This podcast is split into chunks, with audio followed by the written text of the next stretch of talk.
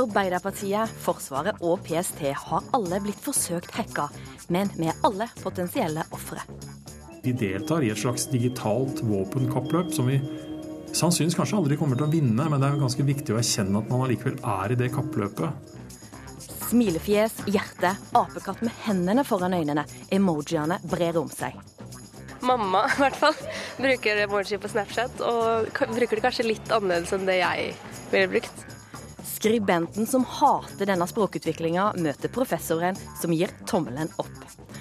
Og hvorfor sitter én million nordmenn og ser på at Petter Pilgaard tømmer utedoen og Vendela Kirsebom melker ei ku? Det spør vi de om når de kommer til ukeslutt. Velkommen skal du være. Jeg heter Ann Kristin Listøl. Men vi skal starte med noe som gjelder oss alle. Fastlegen vår. Denne uka foreslo pasientombudet at du skal slippe å betale når legen er kraftig forsinka. Ifølge de nye retningslinjene skal pasienter som er sykere enn andre pasienter, gå først inn til legen. Det er rart det ikke står oppslag om det. Jeg er først, jeg er sykest, nemlig. Når dere er hos fastlegen, må dere vente lenge på venteværelset før dere kommer inn. Ja, det gjør jo alle det, gjør det ikke det? Det er jo helt normalt å vente på det når du skal til doktoren, uansett hva det er, så, så venter du jo lenge. Jeg tror faktisk fastlegen min er forholdsvis effektiv. Jeg kan tenke meg at jeg venter i sånn 10-15 minutter, liksom. Men jeg har aldri opplevd å sitte her og bli irritert. Det er en halvtime-time, kanskje. Jeg har time og kommer inn med en gang. Jeg kommer an på når på dagen. da. Halvtime, time. Venter du lenge når du er hos fastlegen? Det varierer.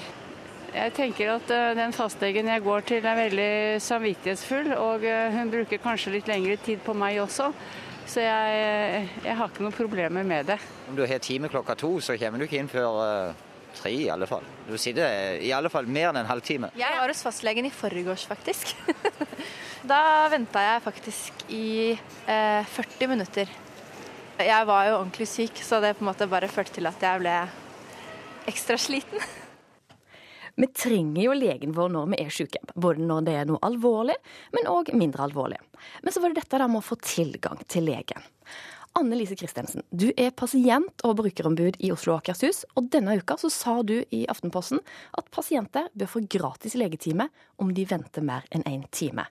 Hvorfor bør folk slippe å betale for tjenesten de mottar?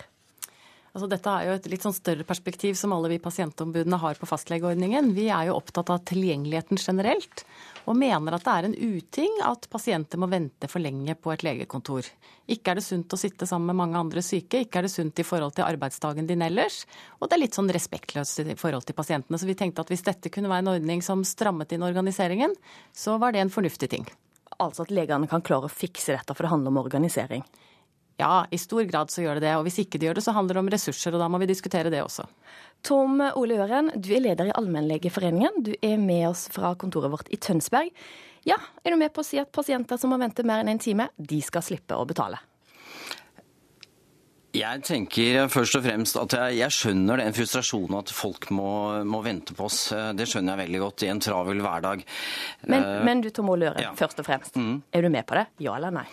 I utgangspunktet så er jeg med på å diskutere det, men hvis du skal ha et sånn direkte svar, så er svaret nei inntil videre. Det er det, og det kan jeg gjerne begrunne litt hvis jeg får lov til det. Du skal kan få begrunne det, men tilbake til Kristensen. Nei, godt nok? Nei, nå åpner han jo opp for en diskusjon, så jeg skjønner at du som journalist du vil ha et ja- eller nei-svar. Men jeg tenker det er spennende å diskutere det i et større perspektiv, hvor vi tenker ordningen som helhet. Stadig nye oppgaver. Er det tilstrekkelige ressurser? Hvordan skal de organisere hverdagen sin? Og Øren, du skal få begrunne.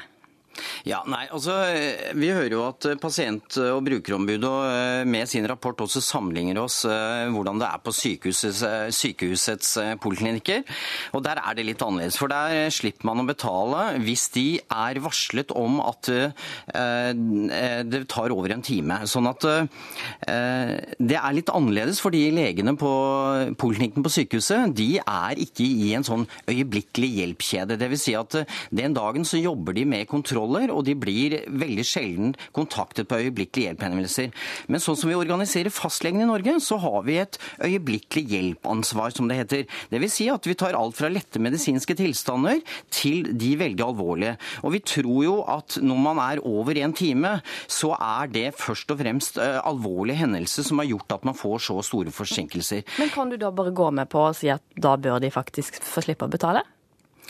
Uh, i utgangspunktet så syns jeg det er litt vanskelig å, å endre over natten. fordi at det har noe med hvordan organiseringen vår er, som sagt. Og hvis det er sånn at hvis du er en time forsinket, da, eh, så vil den kaskaden holdt på å si, fortsette utover hele dagen. Det er ikke sikkert at du klarer å ta inn den tiden heller. Og da vil det jo bli sånn at alle pasientene ikke skal betale resten av dagen. Så det, det er jo litt sånn ulogisk, det. Men jeg har ja. veldig forståelse for at folk eh, syns det er irriterende å vente. Men det har noe med at medisin hos fastlegen, det dreier seg veldig mye om prioritering, så klart. Og det kan hende at neste gang så er du så sjuk, og da må du først i køen. Og det tror jeg folk faktisk skjønner. Men at vi må organisere oss noe bedre, og enkelte kolleger kanskje er seine bestandig og litt sånn, det har jeg eh, stor forståelse for, og det må vi selvsagt gjøre bedre. Men ja, Kristensen han sier at ok, hvis du er forsinka en time, så forskyver det seg bare utover, så da vil jo ikke legene få noe betalt, kanskje? da? Hva sier du til dette? Jo, Det overrasker meg litt. for jeg tenker at Hvis man vet at det kommer Han sier at dette er et sånn daglig problem. Det dukker opp øyeblikkelig hjelp. og Det har jeg stor forståelse for. Og det er forskjell på by og land. Det er nok et enda større problem ute i distriktene som ikke har legevakter og andre ordninger.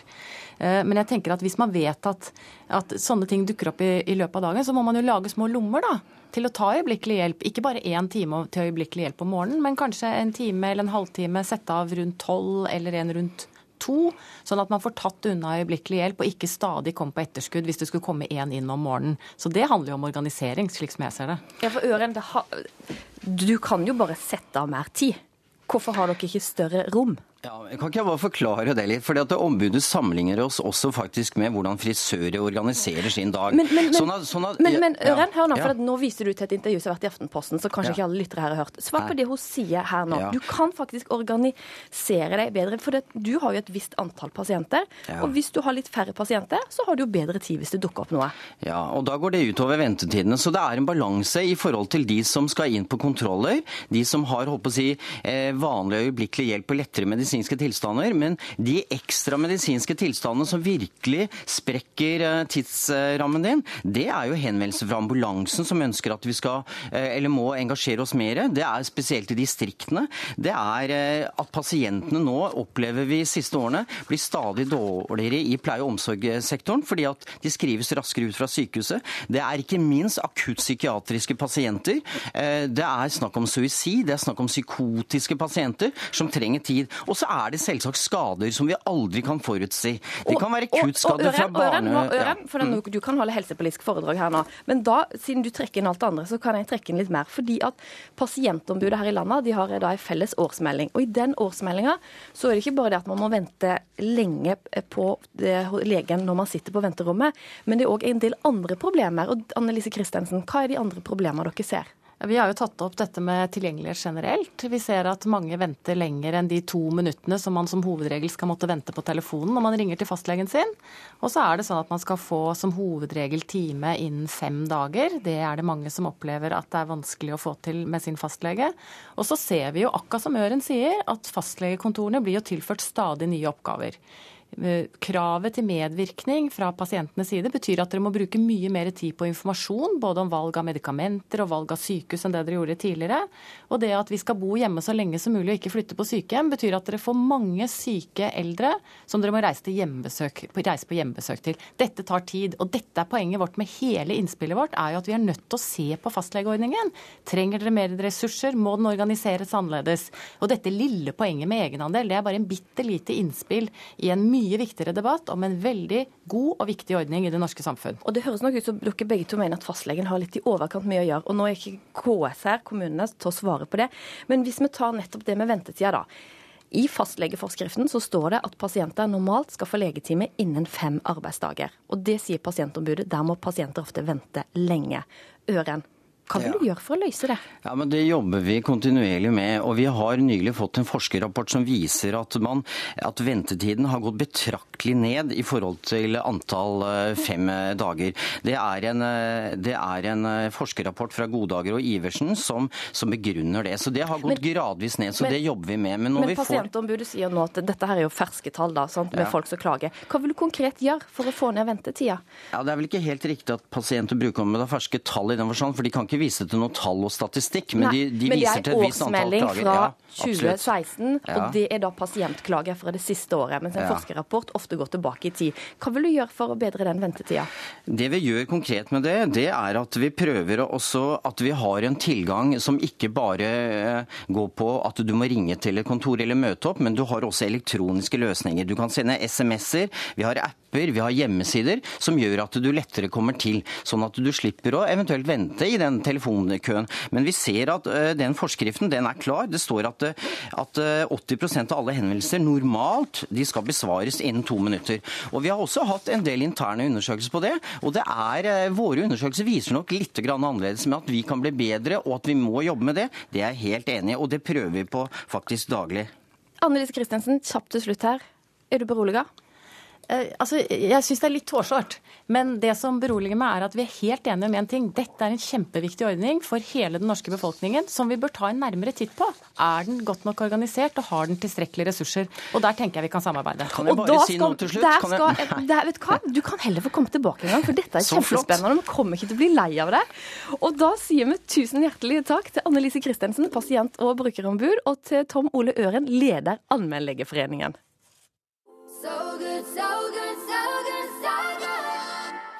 Sara Larsson Thai og Thai Dollar Sign med So Good. Har du hørt om Cozy Bear og Fancy Bear? Det er kallenavn på to hackergrupper som har skapt mye hodebry, særlig for amerikanske politikere det siste året. Og nylig fikk vi òg høre at Politiets sikkerhetstjeneste mener at nettopp Cozy Bear har forsøkt å hacke både de sjøl, Arbeiderpartiet og flere andre. Da reporter Sigurd Øygarden Fleten prøvde å forstå hva som foregikk, ja, tror du ikke han ble hacka sjøl òg? Så vi har akkurat nå en pågående hendelse der vi har en virus hos eh, kunder. Jeg er på kontoret til Net Security midt i Oslo sentrum. Et helt ordinært åpent kontorlandskap. De jeg treffer virker ikke spesielt stressa, men de har altså en pågående hendelse. Og Det viruset tar over PC-en din og krypterer alle filene dine. Denne uka har mange nordmenn fått en e-post som ser ut som en faktura fra Telenor, men som er noe helt annet. Etter de har kryptert alle filene, så tar de og skifter bakgrunnsbildet på PC-en din, og så sier de at vi krever løsepenger for, at filene til, for å få filene tilbake igjen. Så krever de f.eks. 5000, 10 000, 15 000, eller kanskje, hvis det er en bedrift, kanskje 50 000, 100 000 norske kroner for å låse opp igjen filene. De tar filene som gissel, altså? Rett og slett gissel. Ransomware heter det. Og det er en av mange måter å tjene penger på for hackere.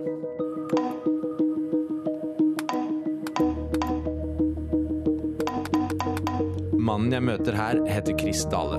Han er sikkerhetsekspert, hacker, av den snille typen som hjelper selskaper å finne svakheter i sine egne systemer. Det jeg ikke vet, er at jeg er i ferd med å bli lurt selv. As far as hacking, I think it was Russia, but I think we also get hacked by other countries and other people.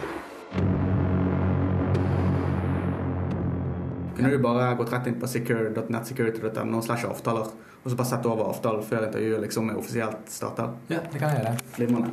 Hacker Chris Dale ber meg gå inn på en innloggingsside for å se over en avtale firmaet bruker når de intervjues av mediene. Greit, så Da logger jeg bare på med brukernavn. Ja.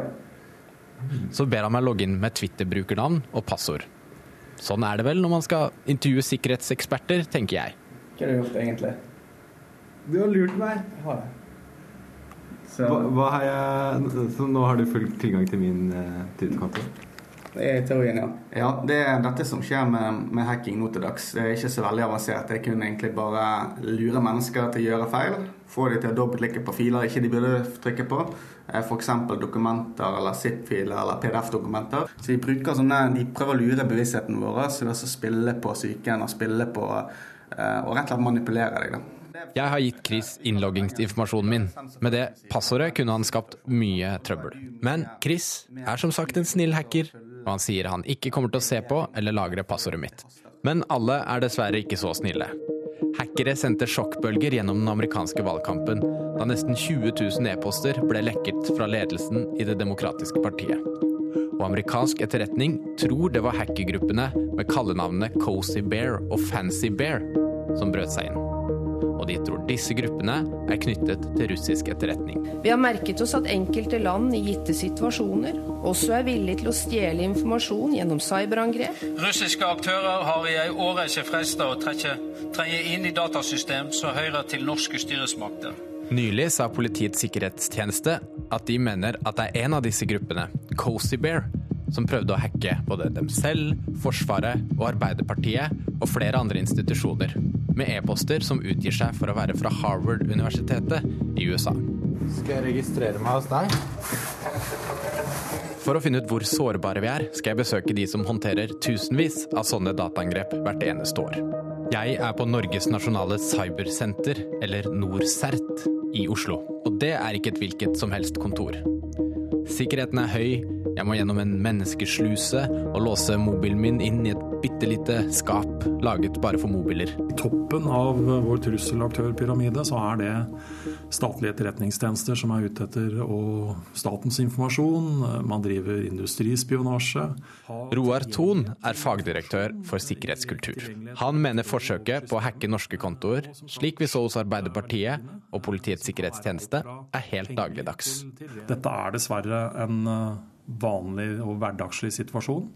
Eh, de aller fleste av oss mottar en eller annen form for e-post eh, med ulik motivasjon. Har jeg grunn til å føle meg dum? Jeg som oppga passordet mitt så lett? Nei, dum er ikke et begrep jeg vil bruke.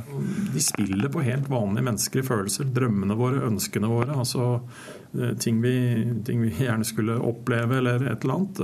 Så, så dette er de, dette er de profesjonelle på. Så vi må leve med den risikoen at vi faktisk noen ganger kommer til å bli lurt. Å stjele informasjon er én ting, men hvor stor skade kan hackerne egentlig gjøre? Det verste som kan skje i et samfunnsmessig perspektiv, er at vi mister kontroll over eh, kritisk infrastruktur, som f.eks. være kraftforsyning, vannforsyning, helsesektor. Sånne ting passer man på i det rommet vi skal inn i nå. Et rom som har så mye hemmelig informasjon at jeg ikke får ta med meg opptaker inn.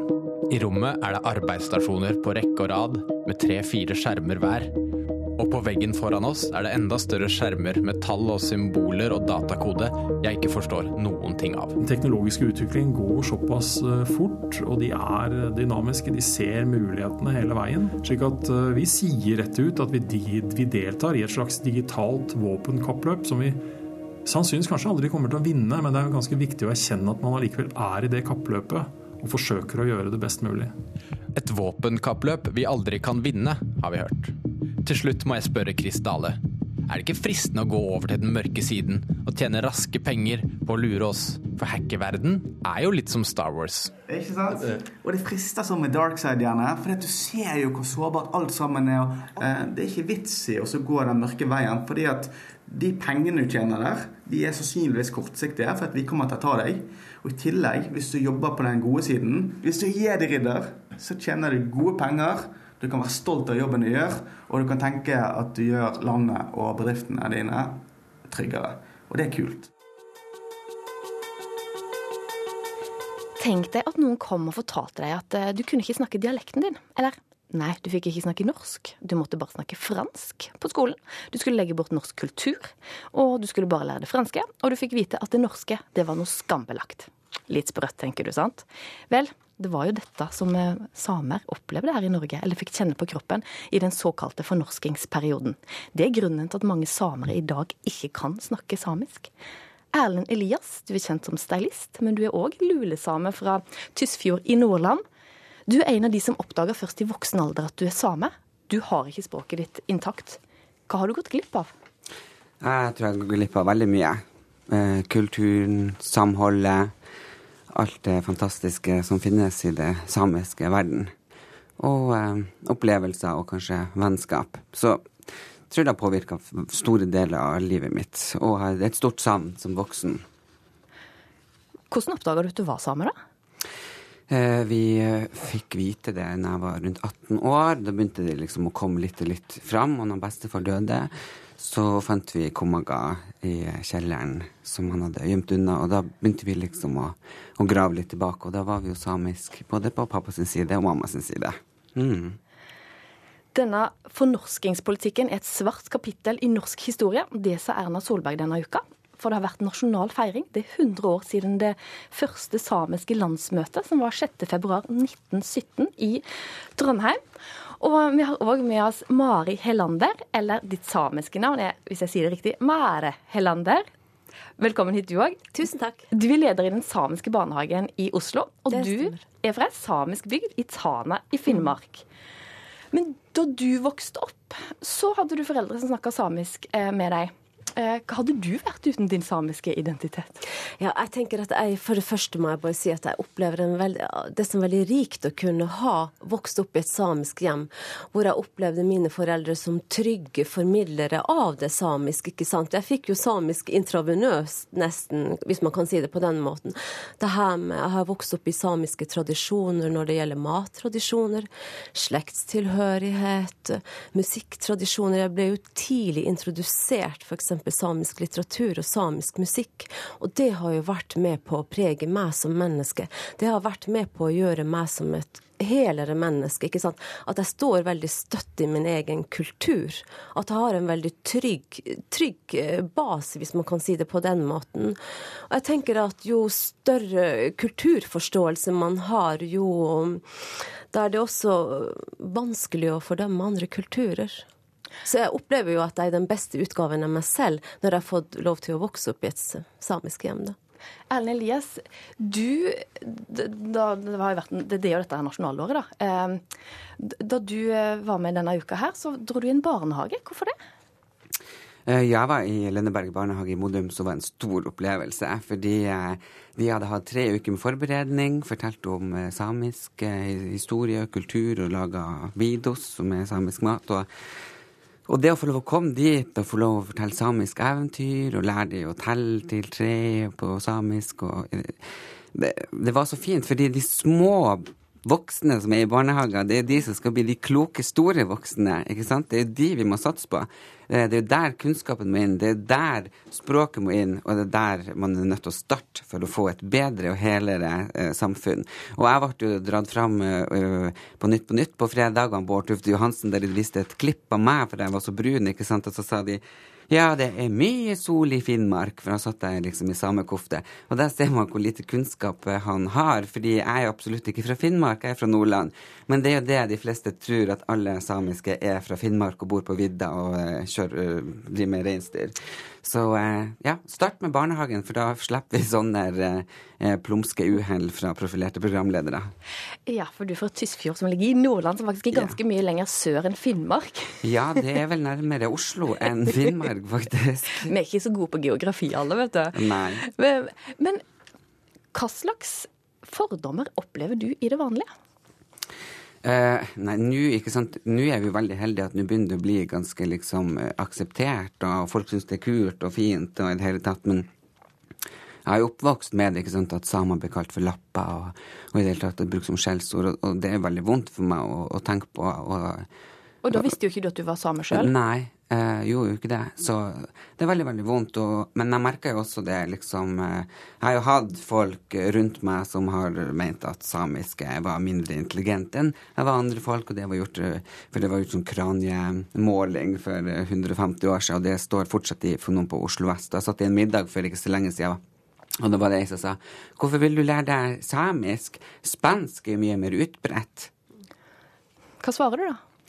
Nei, da ser jeg bare dumt på, på de, og så må jeg liksom eh, ta tak i meg sjøl for å ikke liksom virkelig røyse meg opp og si hva jeg mener. For jeg tenker at når folk er så uvitende, så er det ikke vits å bruke så mye energi på det.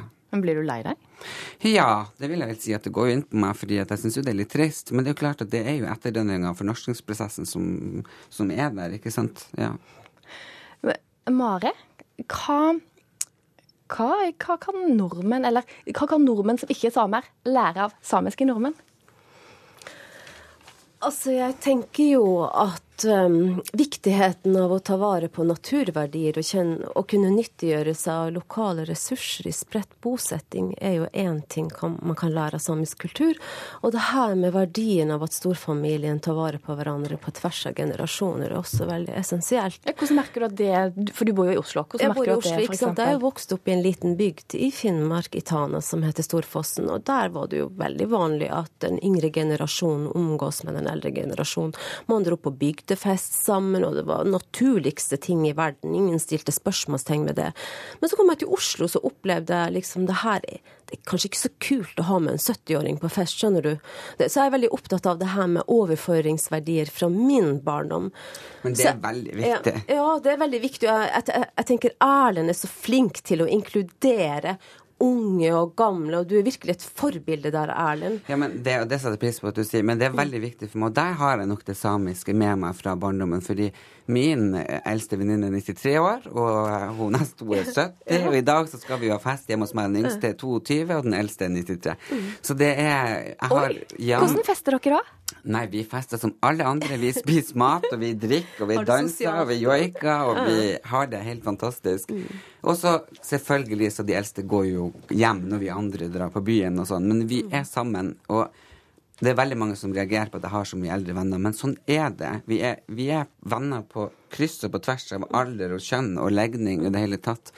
Det er veldig god Jeg tenker at Det er jo en berikelse, så jeg har jo på en måte tatt de tradisjonene med til Oslo. Når jeg, jeg har jo middagsselskaper, da inviterer folk, ikke sant, de unge og de gamle, og vi omgås hverandre på en naturlig og fin måte. Og ja, det er så Og det som er kanskje forskjellen, f.eks. For to søstrene til Mari, de flytta jo inn og tok vare på bestemora si når hun ble gammel. Det skjer vel ikke så ofte her i Oslo, tenker jeg. Ja, det gjør ikke det. Så nordmenn har absolutt noe å lære av den rike, mangfoldige, fantastiske samiske samiske kulturen. Og, og, noe av det som dere nevnte, som skal skje på denne festen dere skal ha i kveld, da, er jo joik. Og jeg må jo bare si at jeg er jo liksom misunnelig på samer som har joiken. Skulle gjerne kunne joika sjøl. Men Mari Hellander, du kan jo faktisk joike, du. Så du skal ta altså joike litt her i ukeslutt. Men før, før vi slipper deg til, Erlend Elias, hva betyr joik for deg? Og det er så vakkert. Det betyr så mye. Hun eh, Mari Boine lagde en joik til meg, eller joika en joik til meg. Og det må jeg si var en av de største opplevelsene jeg hadde i hele mitt liv. Og det gjorde faktisk på, på direkten? På, direkte på Riddu-Riddu-festivalen. Og da skal vi få eh, Mare Hellander sin joik. Vær så god. Gobo el dari lola mia la skolande mesa chi rau rau gamen rau rau gamen hei o le lo le la. Hei o le lo la. Hei o le lo le la. Hei o le lo. Mari Helander. Ga oss en joik. Bli med videre i Ukeslutt, så får du høre mer om dette. Om jeg sender en SMS til deg med et smilefjes, blir du glad eller irritert? Professoren som syns det er topp, møter skribenten som hater det. Og hvorfor elsker vi nordmenn å se på kjendiser i Farmen? Jeg heier på Petter. Han er eh, en jovial, fin fyr. Jeg trodde han var mer jålete og var en mer ålreit kar egentlig enn hva jeg trodde på forhånd. Petter Pilgaard og Vendela Kirsebom er på vei til NRK. Her får de både strøm, varmt vann og toalett. Denne uka så har du sikkert sendt en SMS til en venn eller et familiemedlem. Men hvordan avslutter du den SMS-en? Med et smilefjes, en apekatt, et hjerte? Vel, du er i så fall ikke alene. Bruker du emojis? Ja, det gjør jeg. Fortell meg om noen emojis du bruker. jeg bruker veldig mye av den som er sånn latter eh, Har sånn latterkule. Eh, og så med hjertene som øyne. Oi, eh, jeg bruker den sola mye, og de der jentene som er sånn, gjør forskjellige ting. De, det blir mye morsommere, da. Så kan de tolke emojiene på sin egen måte. Jeg bruker hjertet en del, faktisk. Men uh, ellers så smilefjes. Bruker du emojis? Nei. Vet du hva det er for noe? Ja. Hvorfor bruker du ikke emojis? Ikke noe poeng. Jeg liker kun klar tekst. Så var jeg ikke helt alene, men meg og han vi nettopp hørte, blir færre og færre. Vi bruker nemlig ikke emojis, disse små bildebeskjedene som totalt har utkonkurrert det gamle smilefjeset med kolon, bindestrek og parentes. Én av tre meldinger på Twitter inneholder nå emojis, og trenden øker, heter det i en slovensk studie som har tatt for seg 17 millioner internasjonale tweets. Men jeg som ikke bruker det, lurer på en ting. Skjønner folk hva hverandre mener, eller skriver de bare masse tullebeskjeder til hverandre? Jeg syns de burde det.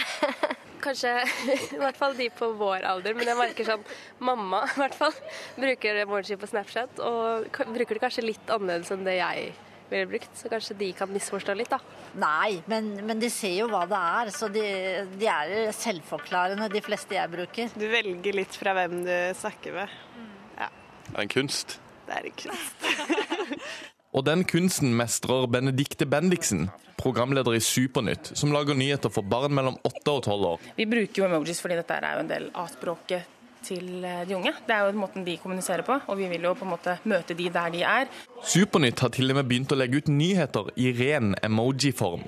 Ja, en gang i uka så gjør vi det på, på, på Instagram, og de er veldig populære. Det er tydelig at publikum liker det her, men jeg er fortsatt ikke helt overbevist om at de skjønner hva hverandre mener. La oss gjøre et eksperiment. Vi spør litt forskjellige folk hva den apen med hendene foran øynene betyr. Hva betyr den der apekatten som er, ser ut som han er redd og holder seg for øynene? Eh, hvis du sier noe flaut eller noe, så er det sånn å nei, men sier du for det? Altså Den der holder seg for øynene, det er jo sånn at man er pinlig berørt. Jeg tror den betyr eh, ikke flau, men sånn ja, den kleine klein eller noe. da. For min del så bruker jeg apekatten når jeg har gjort noe litt flaut. Men bidrar denne apekatten hjertene og gråtefjeset til å forringe språket vårt, eller til å berike det? Vi har to gjester her i Ukeslutt som mener det stikk motsatte. Guri Idsø Viken, du er skribent og politisk rådgiver. Du hater du når folk sender disse emojiene til deg. Hvorfor? ja, Det kommer litt an på sammenhengen, men eh, jeg syns at det er en slags form For det første syns jeg det er en form for latskap å sende sånn type emojis. Det er litt sånn Jeg gidder ikke å skrive en hel setning til deg, så jeg bare sender et eller annet eh, smilefjes eller hjerte, sånn at eh, du skjønner at jeg har svart, liksom. Jeg syns at folk skal gidde å ta seg den tida det er, og bruke språket, og bruke språket ordentlig. Hvis Jeg da, jeg spurte om du ville komme hit til denne debatten. Hvis jeg hadde da sendt et blunkesmilefjes til deg, hva slags inntrykk hadde du fått av meg? Nei, Jeg får litt sånn useriøst inntrykk, da. Jeg sa akkurat til mannen min jeg er jævlig glad for at jeg ikke er singel akkurat nå. Jeg hadde ikke klart å snakke med noen som helst. Rolf Teil, du er professor emeritus i allmenn og afrikansk lingvistikk ved Universitetet i Oslo. Du eh, er med oss på linje fra Porsgrunn. Hvis jeg SMS-er deg da med et blunkesmilefjes, Ja. hva slags inntrykk får du av meg? Eh, ja det, jeg synes er, jeg har opplever det veldig positivt. Det gjør jeg. Jeg, jeg bruker sjøl sånne eh, sånne symboler hele tida. I naturligvis i direkte sammenhengene. For det er jo ulike typer kommunikasjon vi har å gjøre med her. da. Men jeg opplever det som en Ja, det gjør meldinga rikere. Altså, det som er mitt poeng, da, det er at eh, når vi, vi, vi, kommuniserer med hverandre. Når, Hvis jeg hadde stått ansikt til ansikt overfor dere, så hadde jeg smilt. Jeg hadde gestikulert med armene. Jeg hadde, hadde hørt at jeg hadde spesielt tonefall. Og så kommer orda. Og alt det der, der sånn, det er kommunikasjon. Når vi da skriver, så er det da, blir nesten alt borte, bortsett fra sjølve orda. Og når vi da kan få det her i tillegget av emojis eller emoticon, eller hva- vi skal kalle det, så syns jeg det beriker kommunikasjon for meg. Men, men det er jo ikke ditt fjes jeg ser. Det er jo en, et ferdig konstruert fjes. Og det er en følelse som er ferdig definert, som ikke er din, men som er, er et eh, sånn helt generisk uttrykk, da. Ja, men det finnes så mange forskjellige at eh, utvalget av sånne er jo etter hvert Det er hundrevis å velge mellom, og det å finne det riktige for meg, eh, noe som da er et smil eller et blunk eller et, litt, latter eller hva det skal være, det er, det er det er ganske lett å finne brukbare saker. Men er du da sikker på at det, betyr det samme for meg som det betyr for deg? Eh, Det kan jeg ikke være, men det kan det også være naturligvis hvis jeg hadde sagt sitt i ansikt til ansikt med deg nå og smilt, så vet jeg naturligvis ikke om du hadde oppfatta det smilet riktig eller ja, sånn som jeg hadde gjort det, men det, jeg mener det er snakk om at vi tilfører kommunikasjon flere aspekter enn det bare orda har. da. For altså, der du, Viken, ser på det som at man er late og det, fra, altså, det er et fattigere språk, der ser du til at språket blir rikere. Ja, kommunikasjon blir rikere. Mm. Ja, kommunikasjon blir rikere. Og du, eh, sant, eh, jeg har lest litt om deg da, på nett, for du er faktisk kjent for å være veldig språkmektig. Det står at du kan ca. 50 språk faktisk på Wikipedia. Ja, det, det er vel en liten spøk det der, da, men Kan nok, men du kan iallfall en del. Men hva, hva sier dette fenomenet? For det, er jo en del som bare konsekvent nekter å bruke et smilefjes tilbake. Hva, hva sier det liksom om oss? Når vi liksom Nei, dette vil vi ikke ha. Eh, Det forstår jeg ikke, egentlig. Jeg for min del, i tillegg til de tingene som jeg nå snakker om, så jeg er en jeg oppfatter meg sjøl som en relativt leken person. Og syns at det der her er rett og slett ganske moro. Og syns jeg kan få sagt veldig mye ekstra ved hjelp av dette her, da. Så det er, det er også et aspekt som er viktig for meg. Men, men eh, jeg er jo som deg eh, lidenskapelig opptatt av språket, og nettopp Mm. derfor så syns jeg at folk Folk blir jo ikke gode i språk hvis de ikke bruker språket aktivt og øver seg på å si ting som de vil formidle med språket. Men det syns jeg jo folk gjør mindre og mindre, for nå kommuniserer de med hjelp av smilefjes i stedet, og da Mm. Ja. får de jo ikke øvd seg på det. Ja, Nå sier du si. Eh, snakker du om nå talespråk eller skriftspråk? skriftspråk Eller altså den her, altså den her, den her bruken av SMS og, og meldinger som vi sender på den, av den typen, er jo på en måte De står i en mellomstilling mellom talespråk og skriftspråket. Og de har eh, en, eh, Når jeg skriver en seriøs tekst, så bruker jeg ikke jeg heller emotikon eller emojis, men når jeg kommuniserer sånn til daglig for å sende hyggelige små meldinger til kona mi eller venner eller kjente, så, så syns jeg det, det gir et ekstra aspekt til det. Jeg syns det er altså det motsatte av å gjøre det fattig. Jeg syns det, det gir oss muligheten til å kommunisere på en rikere måte. Ja. Hvilken, er, er du litt lite leken, da? Nei, jeg er tvert imot. For jeg er jo nødt til å bruke språket til å formidle at jeg ikke er sur stadig, stadig fordi at jeg ikke bruker smilefjes. Så, så sånn sett så må jeg jo bruke språket ganske mye. Men, men en ting er liksom de private meldingene oss imellom, eller som vi sender til de vi er glad i, som kjenner oss. Mm. Men en annen ting er de meldingene som vi legger ut offentlig. da. For det én ting er liksom store, seriøse tekster, men en annen ting er f.eks. I, i sosiale medier. da, Ja. Så er man jo offentlig. Ja. Sylvi Lysthaug, f.eks. Svært godt eh, eksempel på en politiker som bruker mye smilefjes. Eh, og en, til en viss grad så kan jeg jo forstå det, fordi at hun, eh, hun blir jo tillagt personlige egenskaper bare hun åpner kjeften. Men på den andre sida så tenker jeg det er jo en politiker burde jo klare å skrive ting uten å samtidig slenge på et smilefjes for å si at eh, hun egentlig er en hyggelig person. Ja, nå, nå er ikke Sylvi Listhaug her til å svare på akkurat det, men, men feil Bør ikke politikere òg kunne eller få lov til å bruke disse smilefjesene? Eller bør de holde seg litt for gode til det? Ja, det er eh, Det kommer an på sammenhengen der også. Hvis det er en litt av Twitter-melding eller sånn, så syns jeg det er helt ålreit. Eh, hvis de da ønsker å få fram et ekstra aspekt ved det, så har jeg ingenting imot det. Og syns det er eh, som sagt eh, Altså For å si det sånn eh, eh, Det er jo vi mennesker, vi, vi har gjennom mesteparten av tida vi har eksistert, så har vi primært kommunisert med talespråk. Og så har vi da altså Ja, vi har antakeligvis gjort det i over 100 000 år. Men, de siste 5000 åra så har vi altså da sakte, men sikkert begynt å ta bruke skriftspråket.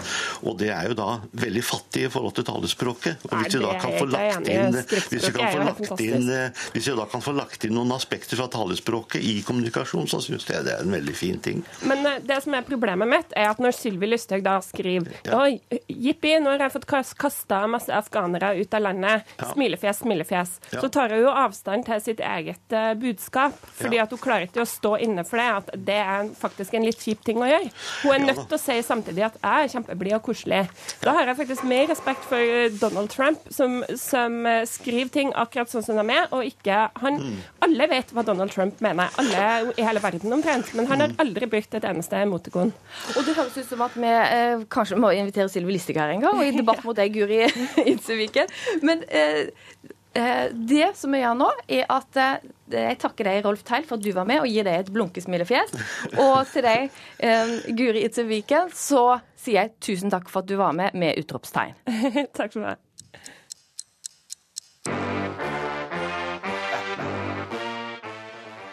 Madonna og Justin Timberlake med Four Minutes. Og her har jeg fått inn to gjester som faktisk sitter og danser her. Ja. Nå er det ikke Madonna og Justin, men nå er det Petter og Vendela. I ukeslutt.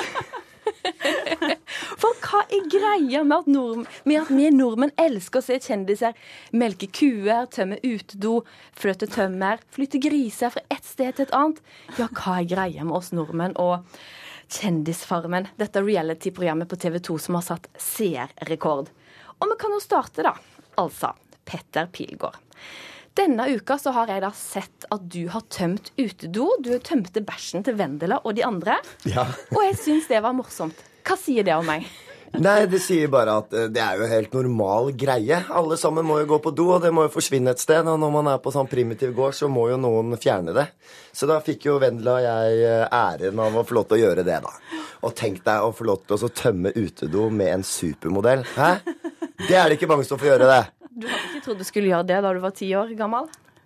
Nei, ikke jeg heller, faktisk. Og Petter Nei, jeg tror ikke Petter det hadde nei. jeg ikke trodd. Da var jo jeg allerede supermodell. Og jeg samlet på stener og fektet med pinner. For òg denne uka så har jeg sett deg, da, Vendela. Du, har, du gråt da du måtte sende disse kuene som du har blitt så glad i fra deg. Ja. Og jeg fikk litt sånn klump i halsen. Hva, hva sier det om meg? Nei, altså det er helt spesielt, men jeg ble ekstremt knyttet til kuene, til sauene, til lamungene, til liksom alle dyrene egentlig på gården. Og det var, eh, jeg vet ikke, det var et eller annet sånn veldig nært forhold. Og de er så morsomme.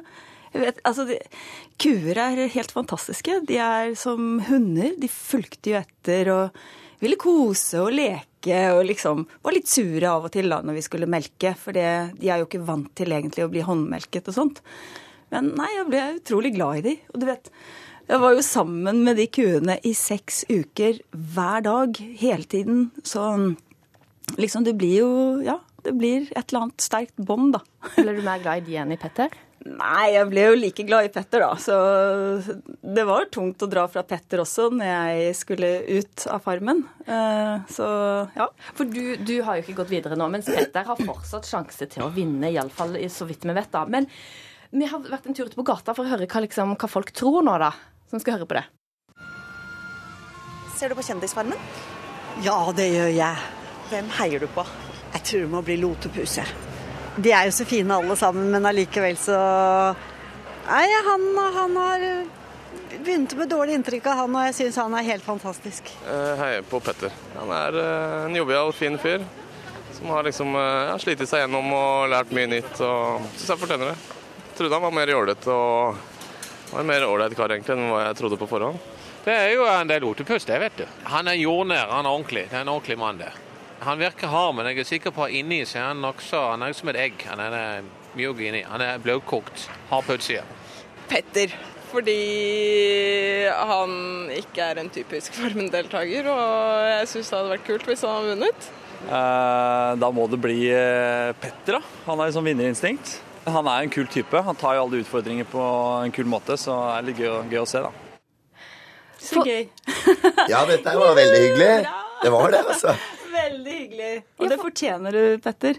Jo, takk, Vendela. Du også hadde fortjent oss å komme så langt som meg. Det vet du. Det var ingen som snakka om deg her, da, Vendela, fordi at dette ble, opptaket ble gjort etter at du hadde røket ut. Ja, ja. Det, jeg Ja, har er no, ikke noe sånn at jeg syns det var dumt i det hele tatt. Jeg syns det var fantastisk hyggelig å høre at så mange ville ha Petter, og det Men nettopp dette her fenomenet med at som noen trekker fram Å ja, nei, Petter han, han er ikke sånn som vi trodde han var. Og det sier kanskje noen om deg òg, Vendela.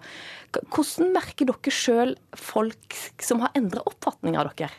Petter først. Ja, det er eh, ganske mange som har eh, kommet bort til meg. Da snakker vi voksne mennesker, både damer og menn, som tar meg i hånden og ser meg i øynene, og så sier de Vet du hva, jeg er, eh, jeg er flau over meg selv. Jeg beklager at jeg noen gang har dømt deg. Jeg lover å aldri dømme noen igjen. Jeg er oppriktig lei meg. Og det, så da tenker jeg Vet du hva, hva, hva er det jeg har gjort nå, tenker jeg. Fordi det er jo selvfølgelig kjempehyggelig, men jeg tenker at uh, da har jeg kanskje hjulpet, og Vendela og oss andre på Farmen, hjulpet folk til å kanskje ikke forhåndsdømme folk, da. Og da tenker jeg at uh, da er det faktisk bra at jeg har vært med. Fordi det å fordomsdømme folk uh, setter jo bare begrensninger, tenker jeg. Hvordan har folk trodd at du har vært der? Nei, altså selvfølgelig, det er jo noe jeg har lagt opp til selv òg, men det er jo han derre partygutten og med damer og underbuksehumor og som eh, ikke er dugende til noen ting. Men eh, det som er eh, greia, er at alle mennesker har jo forskjellige lag. Det kommer an på hvilken setting man eh, er i. Og på Farmen så er det jo dyr og vennskap og samhold og alt mulig, og da viser man jo de sidene. Men før har jeg bare blitt satt i settinger der jeg skal feste og snakke om damer og sånne ting. Så, så folket har eh, forskjellige nivåer, da. Hva, merker du, Vendela, med folks oppfatninger før og nå? Ja, jeg hører faktisk eh, litt av det samme. Veldig mange mennesker kommer opp til meg og sier ting og 'Å, jeg er så glad i deg, og du er så fantastisk, og du viser så mye følelser, og du er så glad i dyrene', og det Da må du være liksom god og snill, og det, det er utrolig hyggelig. Så det, det er sånn Ja, jeg vet ikke. Det er utrolig godt. Man blir veldig, veldig rørt og veldig glad når, når mennesker tør å si sånne fine ting. Det er veldig, veldig hyggelig.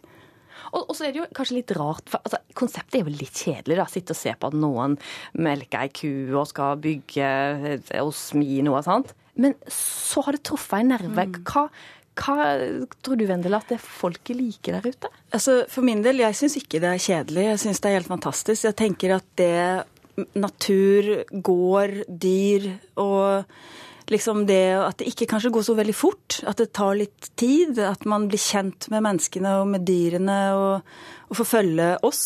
Og det tror jeg Altså jeg syns selv at det er et kjempespennende program. Jeg hadde ikke sett så veldig mye på Farmen før, men nå, nå kommer jeg å fortsette å se på Farmen, altså.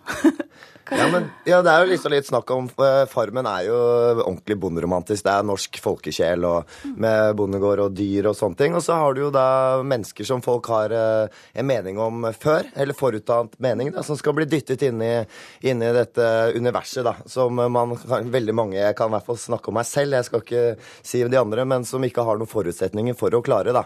Og så prøver man jo å brette opp armene, og, og så er det snakk om det å bryte litt fordommer, da, ikke sant. Så ser man at vet du hva, den personen er ikke sånn som jeg trodde.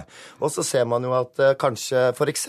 Lotepus og meg, da, som er så vidt forskjellige mennesker, eh, som tenker vet, at dette her blir krasj. Og så begynner det også å bli en reise, så begynner vi plutselig, og så, så ser man, vet du hva, søren, de der liker hverandre, de. Så det er liksom snakk om litt den der reisen til folk også, i forhold til hva de tilegner seg av eh, egenskaper og kunnskaper, og ikke minst de menneskelige relasjonene da, som folk syns er gøy å følge med på. Og for eksempel eh, Vendela og meg også, ikke sant. Tenker ja, hun supermodellen der, og så har du han festgutten der, og så hun er ordentlig, og så tenker jeg skal hun liksom synes han er noe ålreit, og, så- og så skjer det ting, da. For dere har jo blitt supergode venner. Men hva slags fordom hadde dere mot hverandre, da? Hvis dere hadde?